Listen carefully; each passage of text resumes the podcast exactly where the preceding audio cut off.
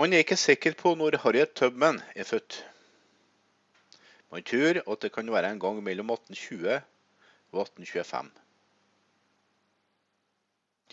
Sjøl hevda hun at hun ble født i 1825. Året har vi fordi hun søkte å få pensjon i 1890. Hun hevda da å være 67 år gammel. For å legge ytterligere forvirring til saken, så står det på fødselsattesten at hun ble født i 1815. På gravsteinen hennes på kirkegården i Auburn står det at hun ble født i 1820. Noen mener at hun ble født i 1822, fordi en kvittering fra en jordmor viser det. Hun ble født inn i en slavefamilie på en plantasje i Dorchester County i Maryland. Harriet hadde åtte søsken. Mora het Harriet Ritt Green, og faren bar navnet Ben Ross. Ritt var eid av Mary Pattison Brothers, mens Ben var eid av Anthony Thompson. De to slaveeierne kom senere til å gifte seg. Ritt og Ben gifta seg i 1808, og de fikk ungene Lina, Mary Ritty, Soph, Robert, Minty, altså Harriet, Ben, Rachel, Henry av Moses. Opprinnelig ble hun døpt for Araminta Harriet Ross. Foreldrene kalte hun bare for Minty. Like etter at hun gifta seg, endra hun navnet til Harriet Tubman for ære mora. Harriet vokste opp på en stor plantasje nær Blackwater Bridge i Madison-området i Dorchester County i Maryland. Mora jobba inne på kjøkkenet på plantasjeeierens hus, mens faren jobba som tømmerhogger på plantasjen. Det sies at bestemora ble ført som slave fra Afrika til USA. Noen sier at Harriet hadde trekk fra shantistammen i Afrika. Harriet Tubmans tidligste barndom var hard og slitsom. Slaveeieren som eide familien, solgte tre av ungene til plantasjer som lå langt unna. Da en slavehandler fra Georgia la inn et bud på familiens yngste sønn, så satte Ben Ross ned foten. Det ble dermed ingen handel. Harriet glemte aldri denne episoden. Vold var hverdagslig for Harriet og hennes familie. Da hun var fem år gammel, ble hun leid ut som barnepike hos en annen plantasjeeier. Frua i huset kalte seg for Miss Susan. Harriet måtte våge et lite barn om natta, slik at det ikke skrek. Hvis ungen skrek, så fikk hun juling eller piskeslag. En gang fikk hun fem piskeslag før frokost. Herre Aran bar hun som et minne for resten av livet. En gang stakk hun av fra plagehånd. Hun kunne også kle på seg ekstra lag med klær for å dempe virkninga av slagene. Harriet var svak og underernært da hun kom hjem. Mora måtte ta seg av henne, slik at hun kom på fotene igjen. Da hun var syv år gammel, måtte hun arbeide på markene hos en annen plantasjeeier med navn James Cook. En dag hadde hun pådratt seg meslinger. Hun kollapsa ute på åkeren. Cook sendte henne tilbake til mora, slik at hun kunne ta seg av henne. Åtte år gammel arbeida hun i en annen husholdning. En gang da vertskapet krangla heftig, så stjal hun en klump sukker. Husfrua oppdaga det, og Rip måtte stikke av. Hun holdt seg skjult i en grisebinge i tre dager før hun gikk tilbake til gården. Her spiste hun grisenes mat. Tolv år gammel ble hun ansett for å være sterk nok til å arbeide ute på markene. Harriet fikk jobb hos en kar som het Barrett. På denne tida ble hun også kristen. Senere sa hun at hun foretrakk utendørsarbeid fremfor å arbeide innendørs. Da hun vokste, så ble hun ikke høyere enn 150 cm. Men hun var sterkere enn de fleste mannfolkene. Den alvorligste skaden pådro hun seg da hun hadde blitt voksen. En dag ble hun sendt til kolonialhandelen for å få tak i forsyninger. På veien til butikken traff hun på en slave som hadde forlatt arbeidet ute på markene uten tillatelse. En oppsynsmann ba hun binde fast den rømte slaven. Harriet nekta. Oppsynsmannen kasta en tung gjenstand i hodet på. Gjenstanden brista hodeskallen hennes. Hun pådro seg alvorlige skader, og hun slet med sterk hodepine og narkolepsi resten av livet. Hun kunne sovne når som helst, og hvor som helst. Harriet hadde også sterke drømmer og syn som hun tolka som religiøse visjoner og beskjeder fra Gud. Hun ble etter hvert sterkt troende. Harriet kunne ikke lese, men mora hadde fortalt henne mange historier fra Bibelen. Tubman ble medlem av Metodistkirka. Harriet likte bedre Det gamle testamentet enn Det nye testamentet. Hun starta arbeidet for en kar som het John Stuart. Faren og, flere av brødrene hennes hogde også tømmer for denne mannen. For pengene hun tjente, kjøpte hun seg et oksespann som hun leide ut.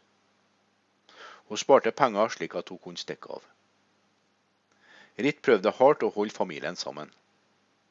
Sønnen til Mary Brothers, Edvard, solgte tre av døtrene hennes. Lina, Mary Ritty og Sofie. Da en slavehandler fra Georgia prøvde å kjøpe hennes yngste sønn, Moses, så gjemte hun unna sønnen en måned. Rick fikk hjelp av andre slaver til å gjemme sønnen. Ritt trua med å drepe Edward Brodes og slaveoppkjøperen hvis de prøvde å ta fra Moses. Tilstanden mellom slaveri og et fritt liv var uklar for familien til Harriet. I 1840, 45 år gammel, ble Ben Ross satt fri etter at eieren hans skrev det i testamentet sitt som han etterlot seg. Ungene skulle også settes fri. Da eieren døde, så ga den nye plantasjeeieren plaffen i testamentet. Dermed måtte Rit og ungene fortsatt være slaver. Ben Ross hadde få muligheter, så han fortsatte med å arbeide som tømmertakstmann og formann for sine tidligere eiere. De som eide familien, valgte ikke å sette de andre familiemedlemmene fri, sjøl om Ben Ross prøvde hardt å sette dem fri.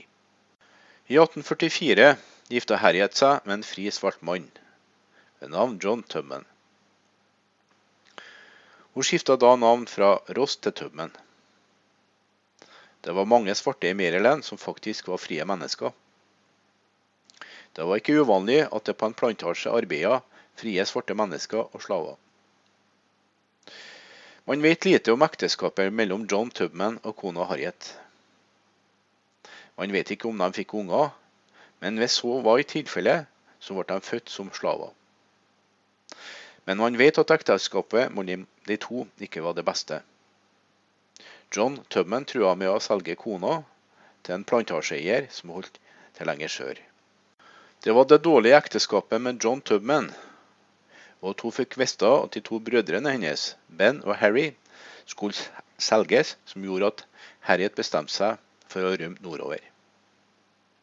John Tubman ville ikke følge kona Harriet langs undergrunnsjernbanen. I stedet gifta han seg med en annen kvinnelig slave. I 1869 gifta Harriet Tubman seg med krigsveteran fra borgerkrigen, Nelson Davis. Sammen adopterte de en jentebaby som de kalte Gertie. Systemet ble kalt for undergrunnsjernbanen, fordi det frakta folk, og fordi det var hemmelig. Systemet fikk dette navnet i 1831. Det var et uformelt nettverk, og det hadde mange rømningsruter. De fleste rømningsveiene gikk til nordstatene, og etter 1850 var det mange rømningsruter som gikk til Canada. Det var også mange rømningsveier som gikk til Karibien og Mexico. Man tror at 100 000 slaver brukte undergrunnsjernbanen for å komme til friheten mellom 1810 og 1850. Det var mange slags mennesker som drev undergrunnsjernbanen. Mange var kvekere og metodister. De som drev undergrunnsjernbanen ble kalt for stasjonsmestere, konduktører, billektører, togførere osv. En konduktør var en som ledet slavene langs sikre ruter mot friheten. Slavene ble ofte kalt for gods eller pakka. Ofte gikk de til fots eller red til hest. Var de heldige, kunne de sitte på ei vogn eller i en togkuppe. Reisene foregikk om natta. Om dagene hvila de. En billettør var en person som oppsøkte slavene, og som fortalte om fluktrutene og sikre hus. Sikre hus ble kalt for stasjoner. Når et hus var sikkert, så ble det satt et lys i et bestemt vindu, eller ei lykt ble satt ut på gårdsplassen. De som drev disse flukthusene, ble kalt for stasjonsmestere. De ga slavene mat, klær, penger, hjemmeplasser og varme. Levi Coffin leda hele undergrunnsjernbanen i en periode, og huset ble kalt for hovedstasjon. Harriet Tubman, Levi Coffin, William Steele, Fredrik Douglas, Thomas Garrett, William Lloyd Garrison, John Brown, Samuel Green, Gerrit Smith og Lucretia Coffin Mott var noen av de mest kjente aktørene på undergrunnsjernbanen. Slavene reiste om natta. Som regel dro de sammen med en los. De kunne tilbakelegge 20-30 km i løpet av en natt. På dagtid søkte de tilflukt i såkalte sikre hus, jernbanestasjoner. Slavene ble gjemt på loft, i kjellere, i skap og i hemmelige rom. Ofte måtte slavene reise med båt og tog. De måtte også se anstendige ut, og ikke se ut som fattige slaver. Til dette trengtes det penger. Det ble samlet inn store summer for å drive undergrunnsjernbanen blant mennesker nordpå. I nordstatene var det organisasjoner som samla inn penger til de flyktende slavene og hjalp dem med mat, klær og husly. Undergrunnsjernbanen begynte på 1780-tallet. Den ble grunnlagt i Fiadelfia. Aktiviteten var med på det mest intense på 1850-tallet. I 1863 ble hele systemet lagt ned. I 1850 kom det en lov som sa at frie slaver i nordstatene skulle sendes tilbake til eierne i sørstatene. Dermed begynte man å sende slavene til Canada isteden. Man tror at 30 000-40 000 rømte slaver kom til Canada. De som ble kneppet i å gjemme slaver, kunne fengsles i seks måneder, eller få en bot på 1000 dollars. Tubman kom for første gang i kontakt med undergrunnsjernbanen da hun sjøl rømte som slave i 1849. Harriet var mye syk, slik at hun ikke lenger kunne arbeide hardt. Flere ganger prøvde Edward Brodes å selge uten å lykkes. Harriet ba hardt til Gud om ikke å bli solgt fra familien og slektningene sine. Da eieren hennes ble syk og døde, så bestemte hun seg for å stikke av. Hun ville dra til Philadelphia. Kona til Edward Brodes, Elisa, begynte å legge planer for å selge slavene sine. Brødrene Ben og Harry ble med da hun rømte 17.9.1849 fra en plantasje i Maryland. Da hun stakk av, så jobba hun og brødrene hennes på plantasjen til Anthony Thompson. Da Eliza Brodes oppdaga at Harriet og brødrene hennes hadde stukket av, så satte hun inn en annonse i lokalavisa. Da det ble satt inn en annonse i avisa Cambridge Democrat som lovte 300 dollar i belønning til den som kunne fange Harriet Tubman og brødrene hennes, så vendte de to brødrene tilbake til plantasjen. Harriet ville ikke leve et liv i fortsatt lidelse. Da brødrene var trygt hjemme på plantasjen, så la hun vei mot Pennsylvania. Hun tok i bruk undergrunnsjernbanen, så frakta hun trygt de 130 km til Philadelphia. Hun fikk hjelp av kvekere med å flykte. Hun dro langs Shoptankelva gjennom Delaware før hun kom inn i Pennsylvania nordfra. Harriet Tubman brukte mange dager på ferden og reiste for det meste om natta. Om dagene sov hun i såkalte sikre hus. Harriet brukte Nordstjerna som kompass. Hun følte stor lettelse da hun kryssa grensa til Pennsylvania. Mellom 1850 og 1860 gjennomførte Harriet Tubman 19 turer langs undergrunnsjernbanen. Hun tok med seg over 300 mennesker nordover til friheter i nordstatene. Noen av dem som hun tok med seg, var hennes egne foreldre og søsken. For herre bragden fikk hun tilnavnet Moses. Noen forskere tror 300 mennesker er overdrevet. Sjøl mente Tubman at hun bare frakta 70 slaver til friheten langs undergrunnsjernbanen. I stedet for å leve trygt og godt i Fiadelfia, hvor hun arbeida som hushjelp, så satte hun seg som mål å redde familien og andre mennesker som levde i slaveri. Hun hadde flere fysisk krevende jobber, slik at hun kunne legge seg opp penger. Men hun tenkte mye på familien i denne tida. Hun var fri mens familien levde som slaver. I desember 1850 fikk hun vite at niesa Keshia skulle bli solgt sammen med sine to barn til en plantasje i Cambridge. Keshias ektemann var en fri, svart mann med navn John Bowley. Han klarte å skrape sammen nok penger til å kjøpe fri Keshia på slaveauksjon i Cambridge, der Keshia skulle selges.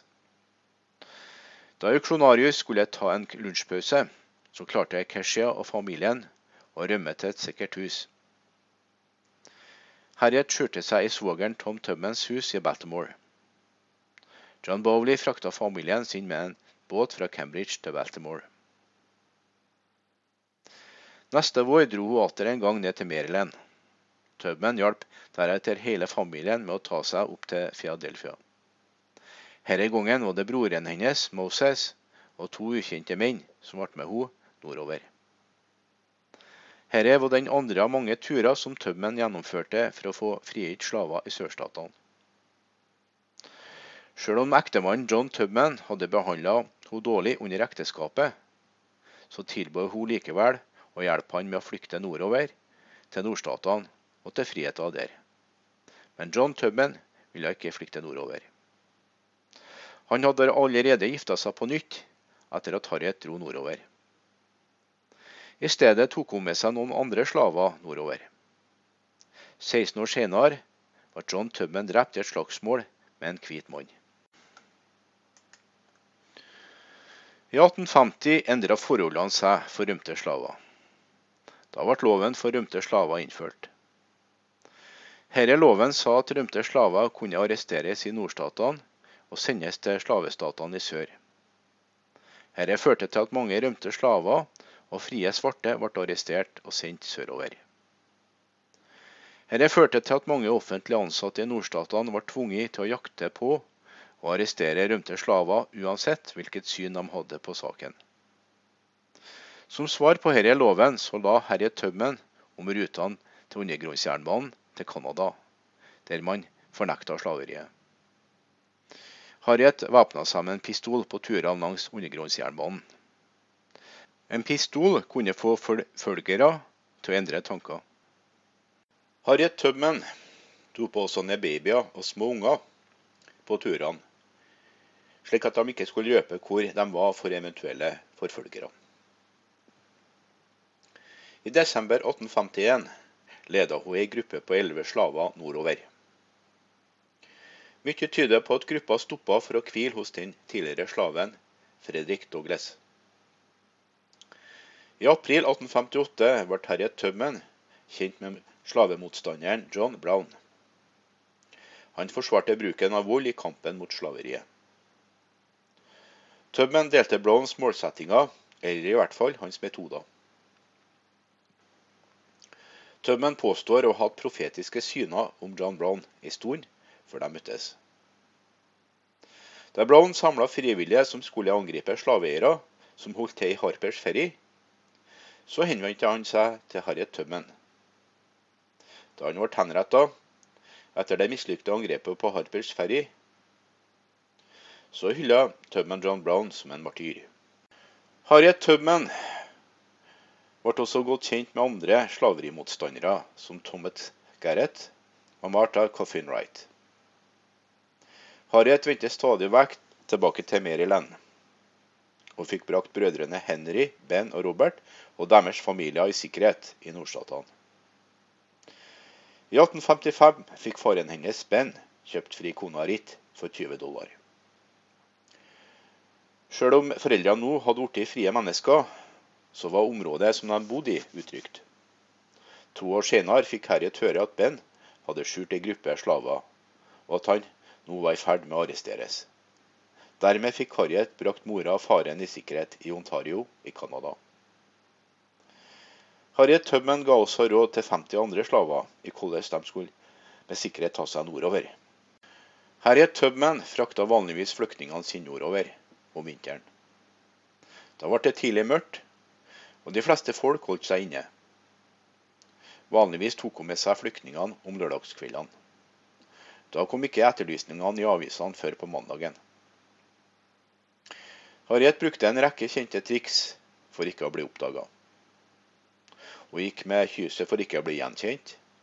Ofte hadde hun med seg et par kyllinger slik at det skulle virke som om hun var ute i et ærend. Harriet Tubman hadde alltid med seg en revolver på turene sine. Hun hadde våpen med seg i tilfelle flyktningene skulle bli innhenta av slavejegere av blodhundene deres. Hun hadde også med seg våpen som hun ville bruke mot flyktningene som mista motet, og som ville vende tilbake til plantasjen sin.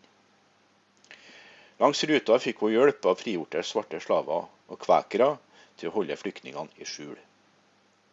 At tømmen var sterkt troende, gjorde at hun fikk motet som skulle til for å gjennomføre turene med flyktningene. Tubman var aktiv under den amerikanske borgerkrigen. Hun arbeidet for nordstatshæren som maskeridame, kokke og sykepleier.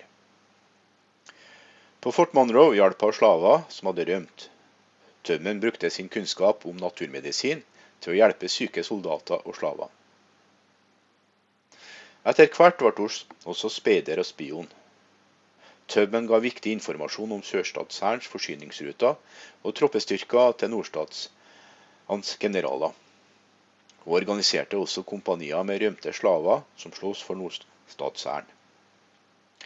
Tubman var også den første dama som leda en væpna ekspedisjon under krigen. Hun klarte med dette raidet å sette fri 800 slaver i Sør-Carolina. Tidlig i 1859 kjøpte Harriet Tubman et lite stykke land i utkanten av New York av slaverimotstanderen senator William Seward. Dette skulle bli et kjært tilholdssted for Tubman, for hennes familie og venner. Tross at hun var en berømt person, så var hennes økonomiske situasjon til stadighet usikker. Tømmens venner og støttespillere samla inn penger for å hjelpe med penger Hun arte opp kyllinger og griser, slik at familien hadde noe å spise. Sarah H. Bradford skrev en biografi om Tømmen. Scenes in the Life of Harriet Tømmen'. Overskuddet av boka gikk til Tømmen og hennes familie. I 1903 ga hun et stykke av jorden sin til ei afrikansk kirke. I 1908 ble det åpna et gamlehjem her. Harriet hadde en åpen dør-politikk, og rekte ut ei hånd til dem som trengte hjelp. Sjøl om hun ikke kunne lese og skrive, så reiste hun rundt om i nordstatene og holdt taler om kvinners rettigheter. Harriet Tømmen døde 93 år gammel i mars 1913, omgitt av familie og venner. Hodeskadene som hun pådro seg i ung alder, ble stadig verre med årene. Hun hadde sterk hodepine og var meget svimmel. Tubman ble operert for hodeskadene på et sykehus i Boston, Hun ble begravet med militær salutt på kirkegården i Auburn i New York.